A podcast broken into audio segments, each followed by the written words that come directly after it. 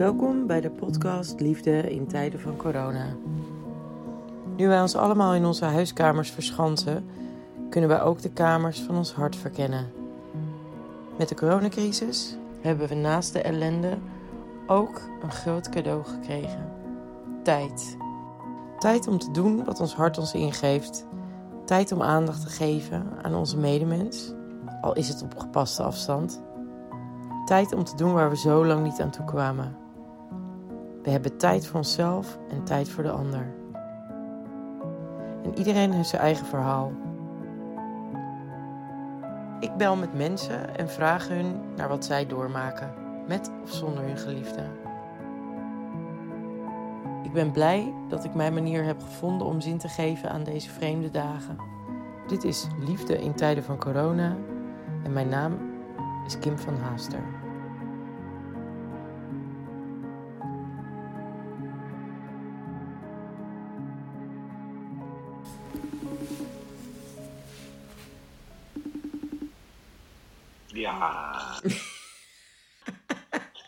Ja, hallo.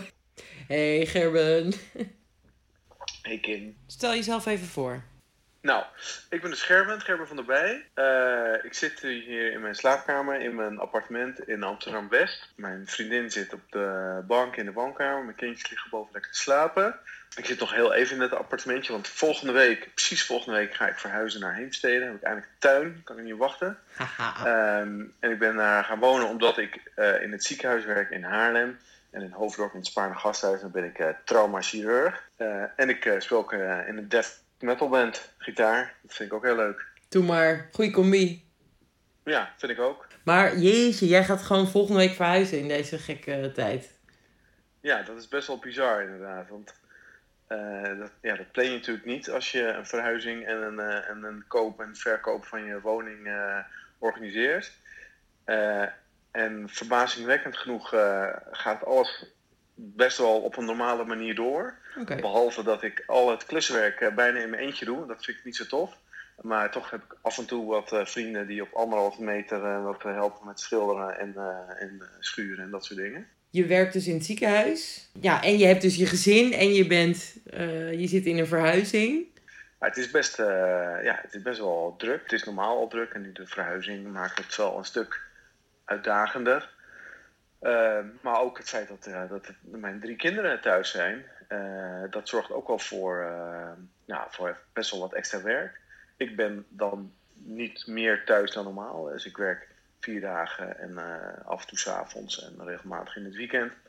Uh, dus ik ja, ben niet meer thuis dan normaal. Dus ik hoef ook niet de kinderen uh, onderwijs te geven of de hele dag op ze te letten. Maar dat doet mijn vrouw wel, mm-hmm. ondanks dat hij ook nog wel werkt daarnaast. Um, dus dat is voor haar wel heel druk. Ik merk daar een beetje weinig van, dus dat onderschat ik soms ook een beetje. Dat ik dan thuis kom en dan net alsof het normaal is. En dan kom ik vrolijk binnen en dan, dan zit mijn vrouw al behoorlijk uitgeteld op de bank. Dan denk ik van nou, kom op, gaan we doen? En uh, dat, uh, ja, dat, dat onderschat ik een beetje af en toe. Je bent ook een dag vrij door de week, maar dan ben je aan het klussen. Nou ja, nu dus wel. Dus normaal ben ik elke donderdag vrij. En dan heb ik ja, tijd om leuke dingen te doen voor mezelf en, maar, en ook met de kinderen. Nu is dat, varieert het heel erg. Enerzijds omdat in het ziekenhuis gaat alles heel erg anders dan normaal. Waardoor ja, de, de, vrije dag die ik normaal op donderdag heb, kan nu elke dag zijn of niet. Of ik heb twee vrije dagen. Uh, dus dat is heel fluctuerend. Mm-hmm. En uh, inderdaad is het zo dat ik, dat ik die vrije dag nu spendeer in het nieuwe huis om uh, de muren te schilderen. Om te zorgen dat we er straks lekker kunnen wonen. We moeten straks Amsterdam gaan missen. En dat wordt wel een groot gemis. Het zal wel pittig worden. Ja, een hoop veranderingen. Dus ook voor die kinderen. Want nu gaan ze natuurlijk al niet naar school. En, Ja, dat is zelfs heel gek. Want uh, we hadden het helemaal gepland met de nieuwe school. Een, een wendag op de nieuwe school. Ja. Afscheid op de oude school. En dan zouden ze na de meivakantie beginnen op de nieuwe school in Haarlem. Hm. Nou, dat, dat is ook helemaal veranderd. Hè, want nu uh, hebben ze geen wendag gehad. Dus ze hebben wel via wat beeldbellen hebben ze de nieuwe klas gezien. Dus dat was ontzettend leuk. Hm. Maar het afscheid op de oude school, dat is helemaal in het water gevallen. Ja. Dat is natuurlijk onwijs balen ja, heel bizar hoe dat nu, hoe dat nu gaat. Ja, heel bizar. Maar goed, dus een verhuizing van een naar de andere stad uh, met een hele rits kinderen, dat is ook al een heel groot ding. En dat moet nu ook in deze situatie gebeuren. Ja, ja dus dat, dat ja, ik weet niet of het het per se moeilijker maakt. Het maakt het wel wat bijzonderder. Helemaal met het afscheid uh, op die scholen. En ja, we, we hadden ook natuurlijk een, een, feestje willen geven thuis. Een afscheidsfeestje met de buren en met alle mensen die, uh, ja, met uh, vriendjes en vriendinnetjes van de kinderen. Maar dat, dat gaat ook allemaal niet gebeuren. Nee. Ook wel weer lekker makkelijk, want we hoeven er niet na te denken. maar nee, toch eigenlijk wel jammer dat dat niet kan. Mm -hmm. dus dat, ja, dat maakt het een beetje een sober afscheid. Een beetje, en we hebben ik heb nu, uh, wat is het, 22 jaar in Amsterdam gewoond. En dan gaat het een beetje zo, een kaarsje dooft zo een beetje. Ja, een beetje uit. stilte. Dan gaan we weg. Uh, dus dat, dat, is wel een beetje gek. Maar dat moeten we maar uh, op een andere manier goed maken, Kim. Ja, later als het allemaal. Als we weer naar de kroeg mogen, dan ja. gaan we wel een feestje geven. Ja, precies. En ja, je zei dat het op je werkt, is het dus ook nu heel anders? Dat is echt wel een hele grote verandering. Mm Ja, zes weken terug toen, uh, toen begon het een beetje te komen. Toen, toen was er onrust. Italië heel erg mm -hmm. uh, ja, op zijn gat. Hè. Heel heftige dingen die daar gebeurden. En er kwam wel vrij snel het besef in het ziekenhuis van ja, dat, gaat, dat gaat hier ook wel gebeuren. En dat, dat, uh, nou, in het ziekenhuis is dat heel snel en heel goed opgepakt. Hè, dat, dat we onszelf gingen voorbereiden voor wat er ging komen. Mm. En eigenlijk de hele organisatie in, in, nou, in twee weken helemaal veranderd. Zodat we klaar waren voor al die, uh, die coronapatiënten. Ja. En wat dat voor mij dagelijks uh, inhield, is dat ja, mijn normale werkzaamheden van opereren, polykliniek rijden, uh, heel veel op de eerste hulp en op de afdelingen rondlopen om zorg te verlenen, dat werd veel minder. Dus ik moest in plaats van dat ik ja, 30 of 40 mensen op een dag op de polykliniek fysiek zag, hè, met echt contact met een lichamelijk onderzoek, ja, dat werd ja, dan werden er nog maar één of twee. En uh, die, die moest ik allemaal gaan bellen. Heel gek. Mm. En dus mensen die uh, een gebroken schouder hebben, die je dan aan de lijn krijgt. En die je normaal in de ogen kan kijken. En met je kan aanvoelen van nou, hoe gaat het nou? Ja. ja. die moet je dan bellen. En dan moet je het dan met alleen een stem doen. Toch moet ik zeggen dat het, dat het beter ging dan ik had verwacht. Maar ja. heel vaak is het ook onbevredigend. Dan, dan, dan, wil je meer weten. Dan wil je aan zo'n patiënt zitten. Dat, dat kan dan niet. Mm. Dus dat is heel gek. Heel veel bellen. Uh, nou ja, dus dan, dan bel je van s ochtends uh, half negen tot vier uur, vijf uur s middags. Soms wel 50 patiënten bellen wel op een dag. Tuurlijk word je daarvan op een gegeven moment. Dus dat is heel anders. En we veel minder opereren, omdat het personeel hè, wat we nodig hebben voor die operaties, die, die staan allemaal op de intensive care te helpen. Dus die kunnen niet nog eens keer de operaties begeleiden. Ja. En een groot gedeelte van ons, de artsassistenten, maar ook van de chirurg en ook ikzelf, worden, uh, zijn getraind om op de intensive care te werken. En nu is er zo'n uh, ja, zo'n vraag naar extra personeel. Mm. Ja, dat we dat ook gedaan hebben. Dus ik heb, gisteren ben ik begonnen op de intensive care. Uh, om daar ja, als een soort artsassistent weer te werken. Yeah. Ja, het is heel bizar. Helemaal uit mijn comfortzone. Hè, want mm. je, ja, ik ben chirurg, dus ik weet precies wat ik moet doen. Ik ga opereren en ik delegeer heel veel taken aan de artsassistenten en andere mensen. Nu ja, je als soort van beginneling weer zelf uh, in, een, uh, in een rol die vijf jaar geleden, tien jaar geleden had. Beetje ongemakkelijk. Gek. Ja, wel in deze afgelopen twee dagen dingen meegemaakt die heel mooi zijn en uh, ook wel heel confronterend zijn. en, de, en de mooie dingen, wat echt heel bijzonder is in het ziekenhuis, is dat iedereen werkt zo ontzettend goed met elkaar samen. En alle hokjes hè, die, uh, die, uh, die er bestaan in elke instelling, maar zeker ook in een ziekenhuis. Van, nou ja, dat is, uh, dat is voor die groep mensen om te doen, dat is voor die groep mensen. Bemoeien zich liefst niet zoveel met elkaar. Of ja, als het moet dan wel, maar dan moeten er allemaal protocollen worden geschreven. Dat duurt allemaal eeuwigheid. Dat is nu allemaal niet meer ter sprake. Dus nu is ja. het zo, jongens, we hebben een heel groot probleem. Dat moeten we oplossen en dat gaan we gewoon heel snel doen. En iedereen eh, die, eh, die heeft binnen een minuut van tijd de neus dezelfde kant op gekregen. En we pakken het probleem met z'n allen aan. En, dat, en dat merk je elke, ja, elke minuut dat je daar rondloopt. Dat iedereen een hele positieve attitude heeft hè, en uh, heel graag wil samenwerken.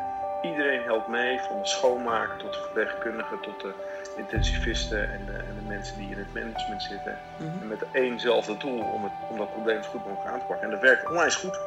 Ik krijg de indruk dat dat wel voldoening geeft om op die manier samen te werken met je collega's. Ja, zeker weten. Ja. Kijk, ik ben uh, maar een hele kleine schakel op die intensive care. Mm. ik, ik fungeer als een soort uh, ja, tussenschakel tussen de verpleegkundige en de intensivist. Hè. De intensivist is de, de arts die daar werkt en echt precies weet hoe het zit en hoe, hoe alles werkt. En ik signaleer problemen. Simpele problemen los ik zelf op. En moeilijkere problemen, die overleg ik. En, uh, dus ik heb maar een kleine rol, maar om toch een onderdeel te zijn van zo'n groot team. En dat het grote team werkt op deze manier heel goed. Mm. dat geeft zeker wel voldoening. Ja. Je zei ook, uh, nou ja, er gebeuren mooie dingen, ook dingen die moeilijker zijn. Kun je iets vertellen over wat je heeft nou ja, geraakt? Het, de essentie van waarom dit allemaal is, is natuurlijk de, ja, de corona, COVID, zoals, COVID-19 zoals we het in het ziekenhuis noemen. En uh, ja, de, de essentie is dat die patiënten die op de intensive care liggen en die dit hebben, die zijn echt heel erg ziek. En um, ik heb nu met vier patiënten gewerkt, die gaan redelijk goed.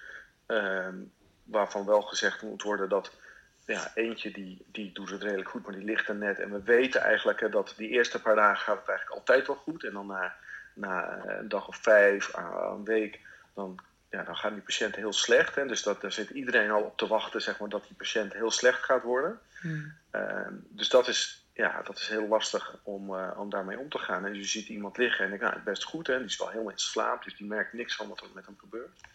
En dan weet je van, ja, god, hè, gaat, gaat hij het redden of niet? Want we weten dat ongeveer 50% van de mensen die op de intensive care liggen, dat die het niet halen. Hmm. En uh, ja, dus dan ligt daar iemand en dan denk je, ja, 50% kans. En dat is best wel heftig als je daarmee bezig bent. En wat het extreem moeilijk maakt voor die mensen uh, en, en nog meer voor de, voor de, voor de familieleden, hè, voor de echtgenoten of de kinderen, is dat er niemand bij mag. Dus er mag niemand bij zo'n uh, bij zo'n patiënt komen. Dus de mensen die nog wakker zijn, en soms dan, dan, dan, dan liggen die mensen op de intensive liggen in een soort coma of soms zijn ze net een beetje wakker af en toe. Mhm. En die hebben dan geen familie om zich heen, wat we normaal wel doen. En dat maakt het heel, ja, dat is heel schrijnend om dat te zien. Hè? Dus de, de liefde die die mensen nodig hebben, die is er niet. En, en dat proberen we dan zo goed mogelijk te begeleiden door te beeldbellen. Dus dan met donaties hebben we allemaal iPads of uh, iPad-achtige apparaten gekregen waarmee we kunnen bellen. Mhm. Dus dan kan de familie kan de patiënt zien, hè, die af en toe slaapt of soms uh, net een beetje wakker is. Ja, dat is natuurlijk geen vervanging voor echt fysiek uh, aanwezig zijn. Maar dat is het beste wat we hebben. Er was één patiënt vandaag, die was al wat verder in het herstel. Maar mhm. heel zwak, helemaal uitgeput van een hele lange behandeling op de intensive care. Heel angstige vrouw. Die had echt heel veel behoefte aan haar man. Mhm. En uh, ja, dat was gewoon niet mogelijk. En uh, ja, dus dan sta je daarnaast. En dan heb je eigenlijk, ja, zijn met lege handen. Hè? Want eigenlijk wat je wil is die man opbellen. En zeggen, kom maar hè? en ga, je, ga naast je vrouw zitten. Maar uh, ja, dat kan niet. En dat is, uh, ja, dat, dat is heel moeilijk. En dat is wel uniek aan dit ziektebeeld. Want dat, ja. dat, dat, heb ik nog nooit eerder meegemaakt. Dat dat zo heftig is. En, uh, ja, dat is voor iedereen heel moeilijk. Hoe gaan jullie om met die afstand? Of met die, hoe werk je met mensen die die besmetting hebben? En mensen die in het ziekenhuis werken, die, die zijn heel pragmatisch daarover. Die zijn, die zijn heel klinisch. Hè? Dus wij hebben gewoon een protocol. En dat protocol houdt in, dus je komt het ziekenhuis binnen. Je kleed je om in een soort pak. Uh, een soort basispak, zeg maar. En dan krijg je een muts op je hoofd. En dan loop je de intensive care op, krijg je een, kapje voor je mond. En dat is eerst een, een, een, kapje met een lage beschermingsgraad, zeg maar. En dan, daar loop je mee over de gang. En als je dan een patiëntkamer binnengaat, dan, ga, dan ga je helemaal in vol ornaat. Dan krijg je nog een jas overheen, hmm. dubbele handschoenen. Uh, dan krijg je zo'n uh, echt goed masker, wat er die viruspartikels tegenhoudt. En dan krijg je nog een extra bril op je hoofd. Eh, telkens, hè, elke als je een patiënt hebt aangeraakt en je gaat het volgen, moet je een gedeelte van die spullen wisselen. Mhm. En dat is uh, ja, oncomfortabel, maar met die maatregelen voelen we ons wel goed beschermd. Ja. En uh, ja, daar, daar denken we verder niet over na. Mhm. Zie je het als een soort plicht? Uh... Nou, het is niet echt een plicht, maar um, ja, als je heel pragmatisch bent en dan, hè, dan, als ik dan bedenk wat ik kan doen, en het risico wat dat oplevert, ja, dan is dat een hele makkelijke keus. Dan moet je het gewoon doen. Uh, dus in die zin is het, vind ik het een beetje een plicht, maar, uh, maar het is ook wel omdat ik het gewoon echt wil doen. Ja, nee, dat dwingt dus heel veel respect af, denk ik, bij heel veel mensen in de samenleving Nou ja. nu. Dat is duidelijk. Ja, maar nou, dat, dat is ook wel terecht. Ik, zeg, ik vind zelf dat mijn rol bij vrij beperkt is. Hè, maar als ik kijk naar een aantal collega's en dan met name de intensivisten en de verpleegkundigen, die, eh, de intensive care verpleegkundigen, Mhm. die leveren een werk dat is echt heel bewonderenswaardig. Hoe, ze, hoeveel en hoe hard zij werken. Mhm. En die mensen die verdienen echt heel veel respect. Ik vind dat ook echt, ehm, ik heb er heel veel respect voor wat jullie daar allemaal eh, doen. En ik vind het heel mooi dat je het nu eh, kan delen, weet je, dat we het hierover hebben. Ik ben ook wel vooral benieuwd nu naar jou natuurlijk. Hoe kun je het rijmen met eh, dat je aan het einde van de dag dan weer naar huis gaat en dat je je gezin hebt? Hoe, hoe gaat dat samen, zeg maar? Want het lijkt me ook een beetje spannend om daar middenin te werken met het besmettingsgevaar en om daarna weer naar huis te gaan. En ja, hoe, hoe, doe je, hoe ga je daarmee om met elkaar? Het is eigenlijk een hele gescheiden wereld. Dus op het moment dat ik eh, uit het ziekenhuis ben en thuis kom, dan, eh, ja, dan, dan ja, het is zo'n andere situatie dat het heel weinig invloed heeft op elkaar. Dus ik weet ook dat de kans dat, dat ik zelf besmet raak, is niet zo heel groot. Ehm, en als het wel zo is, ja, dan is het zo. En dan, eh, ja, eh, ja, dan, moeten we, dan zien we dan wel weer hoe we ermee omgaan. Mhm. Ehm, dus ik hou er niet speciale rekening mee. Eh Marjolein ook niet. En kindjes zijn ook niet. Ja, die weten al gewoon dat ik daar werk. En die, die zijn ook wel geïnteresseerd in. Maar die zijn er niet bang van. En, eh, ja, dus het heeft een weinig impact op mijn thuissituatie. Het enige wat ik wel, ehm, ja, wat, wat ik wel heb, is dat ehm, ik ben al heel voorzichtig met mijn ouders bijvoorbeeld in contact. Maar dat, hè, dus ook omdat we nu verhuizen, willen ze heel graag mij helpen. Maar dat, dan heb ik nu gezegd, nou, dat gaat echt niet gebeuren. Want stel je voor dat ik wel besmettelijk ben, hè, of dat ik besmet ben. Ja. En ik kom bijvoorbeeld bij mijn ouders in de buurt en die zouden het daardoor krijgen. Ja, dat kan ik mezelf nooit vergeven. Dus daar, daar ben ik wel extra voorzichtig mee. Dus ja, die kans is natuurlijk heel erg klein, maar ik wil dat liefst nul hebben. Dus dat speelt wel in mijn hoofd. Waar was jij bang voor Ik vooraf? persoonlijk. Ja. Ja, weet ik niet.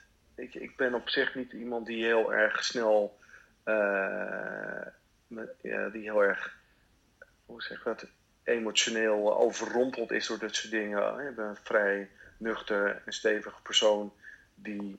Ja, ik, ik laat me niet zo, zo, zo gauw eh, van de wijs brengen door dingen. Ik kan het heel goed in perspectief plaatsen. En ik kan het ook heel goed van me afzetten. Dus de heftige dingen die ik vanmiddag heb gezien, ja, die laat ik echt achter in het ziekenhuis. En dat, ik had dat ook wel verwacht dat het zo zou gaan en het gaat gelukkig ook zo. Dus ja, weet je, het, enige waar ik, eh, eh, het enige wat me, eh, waar ik mee zit, is dat ik denk van ja, stel je nou voor dat ik heel ziek word. Ja, dat, dat zou ik gewoon heel vervelend vinden voor mensen in mijn, omgeving. En ja, da- als je daar lang over nadenkt, dan, eh, ja, dat, dat is natuurlijk een hele nare gedachte. Maar ja, dan ben ik dan wel weer nuchter genoeg om te zeggen, ja, god, die kans is heel klein. Het is echt heel erg klein. Ehm, dat mij persoonlijk, eh, in mijn situatie, met mijn gezondheid, dat, dat, ik, dat ik heel ernstig ziek word. Dus ja, dat kan ik dan een beetje negeren. Dus op die manier ja, heb ik er heel weinig last van. En hetzelfde, hetzelfde geldt voor mijn kinderen. Ik ben ook niet bang dat zij het krijgen. En ik ben ook niet bang dat ze eh, iets overhouden aan deze hele coronacrisis. Want ze, ze, ze blijven vrolijk en ze blijven eh, zichzelf. Hmm. Eh, af en toe word je gek van ze omdat ze op, op, dat we op elkaars lip zitten. Maar ja, dan gooi ik ze op het dakterras of dan gaan ze knikkeren op, eh, voor, voor op de stoep. Hmm. En dat gaat eigenlijk wel goed. En hetzelfde geldt voor Marjolein. Die heeft net een nieuwe baan, heeft een nieuwe baan gekregen in deze coronacrisis. Dus dat is ook heel bizar dat ze de collega's één keer gezien heeft in real life of van een afstandje. En eh, voor de rest alleen maar op de computer. Eh, dat is ook heel gek. Ja. Ehm, maar ook zij, eh, ja, ik maak me ook geen zorgen om haar. Want ja, dat, dit gaat allemaal wel goed komen. ja, jullie Ik- zijn ik ben eh, niet- Ik ben solid. niet zo bang aangelegd. Nee, dat is wel heel belangrijk hè, in deze tijd. Dat je niet daarin je verliest in je angsten. Ja.